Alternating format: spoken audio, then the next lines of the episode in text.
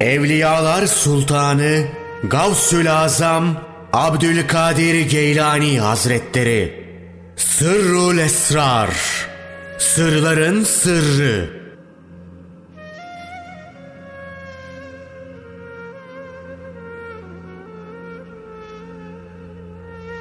Yirminci Fasıl. Halvet ve Uzlet. Halvet ve uzlet, zahir ve batın olarak iki şekilde olur. Zahiri halvet, nefsini arzularından tecrid etme ve bedenini insanlarla muameleden alıkoymadır. Böylece kötü huylarıyla insanlara zarar vermemiş ve nefsin alışık olduğu şeyleri terk etmiş olur. Yine zahiri halvet, ihlas niyeti, iradi ölüm ve kabre girme yollarıyla batıni özellikleri ortaya çıkarmak için nefsin zahiri özelliklerine gem vurmadır. Bütün bu durumlarda kişinin niyeti Allah'ın rızasını kazanma ve Müslümanlardan nefsinin kötülüğünü giderme olmalıdır. Nitekim Resulullah sallallahu aleyhi ve sellem Müslüman, Müslümanların kendisinin dilinden ve elinden emniyette olduğu kişidir buyurmuştur. Halvette olan dilini boş şeyler konuşmaktan uzak tutar. İnsanın selameti dili vasıtasıyla olacaktır. Hadisinde ifade edildiği gibi gözlerini hain bakışlardan ve harama bakmaktan alıkoyar.'' Aynı şekilde kulaklarını, ellerini ve ayaklarını da günahlardan korur. Nitekim bir hadisinde Hazreti Peygamber sallallahu aleyhi ve sellem gözler zina eder, kulaklar da zina eder buyurmuştur. Bu hadiste bildirilen bu azaların her birinin zinasından kötü suretli, çirkin bir şahıs hasıl olup kıyamet gününde o kişinin yanında durur.'' ve Allah katında onun aleyhinde şahitlikte bulunur. Sahibini yakalayıp ona cehennemde azap eder. Ama o tövbe edip de bir daha bu günahı işlemezse Rabbinin makamından korkanın ve nefsini kötü arzulardan alıkoyanın varacağı yer cennettir. Ayetinde ifade edildiği gibi bu şahsın kötü sureti Yeni yetme güzel bir genç suretine dönüşüp sahibini cennete götürür. Böylece onun şerrinden kurtulmuş olur. Halvet sanki insanı günahlara karşı koruyan güçlü bir kale gibidir. Bu sayede kişinin ameli salih olarak kalır. Kendisi de muhsin bir kişi olur. Bu konudaki bazı ayetlerin mealleri şöyledir. Allah iyilik yapanların, muhsinlerin emeklerini asla boşa çıkarmaz. Allah'ın rahmeti her zaman iyilik yapanlarla beraberdir. Öyleyse artık her kim Rabbine kavuşmayı arzu ediyorsa, salih amel, dürüst ve erdemli davranışlar işlesin ve Rabbine özgü kullukta hiç kimseyi, hiçbir şeyi ona ortak koşmasın.'' Batıni halvet, kişinin kalbine nefsani ve şeytani düşünceleri koymamasıdır. Yiyecek içecek sevgisi, hanım çocuk sevgisi ve diğer varlıkların sevgisi gibi. Batıni halvet sahibi, riya, gösteriş ve meşhur olmaktan da uzak durur. Şöhret, meşhur olma büyük bir afettir. Ne var ki herkes onu istemektedir.'' Fark edilmemek aslında büyük bir rahatlıktır. Ne var ki herkes ondan kaçınır.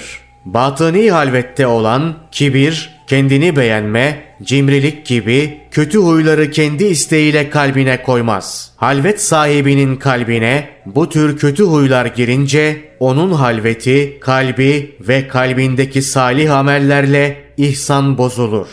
Böylece kalbi bütün faydalı şeylerden mahrum kalmış olur.'' Allah Teala gerçek şu ki Allah bozgunculuk yapanların işini asla ileri götürmez buyurur. Kendisinde yukarıda sayılan mefsedetlerden bulunan herkes müfsitlerdendir. Her ne kadar zahirde salihler suretinde olsa da.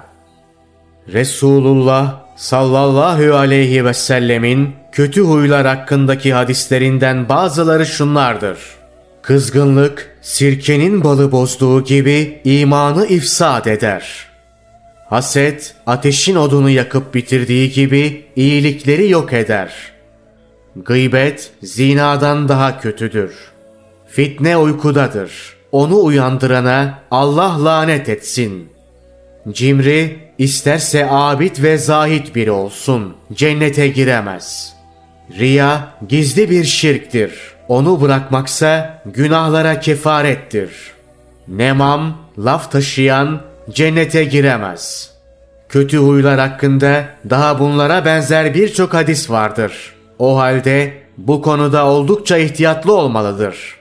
Tasavvufa dair hususlarda ilk gaye, halvet, riyazet, az konuşma, zikre devam etmek suretiyle kalbin tasavvufi kazanımlar için tasfiye edilmesi ve nefsin nevasının kökünden kazınmasıdır.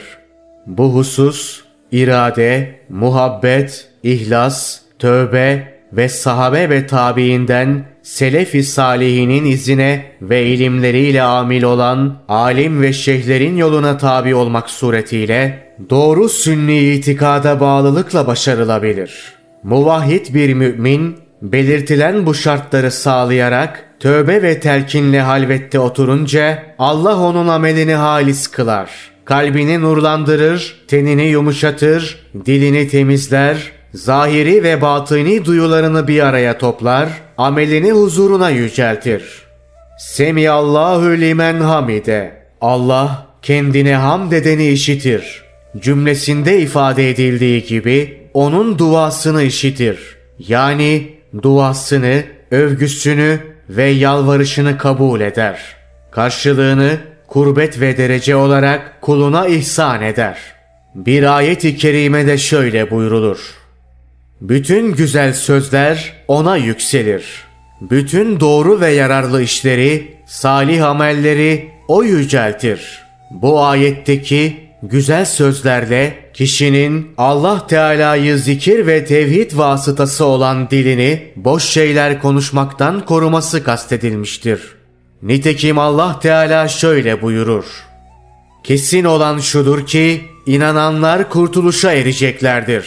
Onlar ki namazlarında huşuludurlar. Onlar ki boş ve anlamsız şeylerden yüz çevirirler. Demek ki Allah ilmi, ameli ve amel edeni mağfiret ve hoşnutluğuyla kurbetine, rahmetine ve derecelerine yükseltmektedir. Halvet sahibi için bu makamlar asıl olunca onun kalbi insanların zarar vermesiyle hali değişmeyen bir deniz gibi olur. Bir hadiste şöyle buyurulmuştur. Adeta hali değişmeyen bir deniz gibi ol. Zira bünyelerinde akıcı kan olan kara hayvanları onun içinde ölür. Ama o bunlardan hiç etkilenmez. Firavun ve avanesi denizde boğulmuş ama deniz bundan dolayı bozulmamıştır. Ayrıca şeriat gemisi salim bir şekilde onun üzerinde akıp gitmektedir. Kutsi ruh da onun dibine dalarak hakikat incisine ulaşır ve marifet incisiyle gizli latifeler mercanını çıkarır. Şu ayette belirtildiği gibi bu su kütlelerinin ikisinden büyüklü küçüklü inciler çıkar. Zira bu deniz zahir ve batın denizlerini bir araya toplayan kişiler için asıl olur. Bundan sonra artık kalpte fesat bulunmaz. O kişinin tövbesi nasih, samimi, uyarıcı, ameli ise nafi, faydalı olur. O yasaklanan şeylere bilerek meyletmez.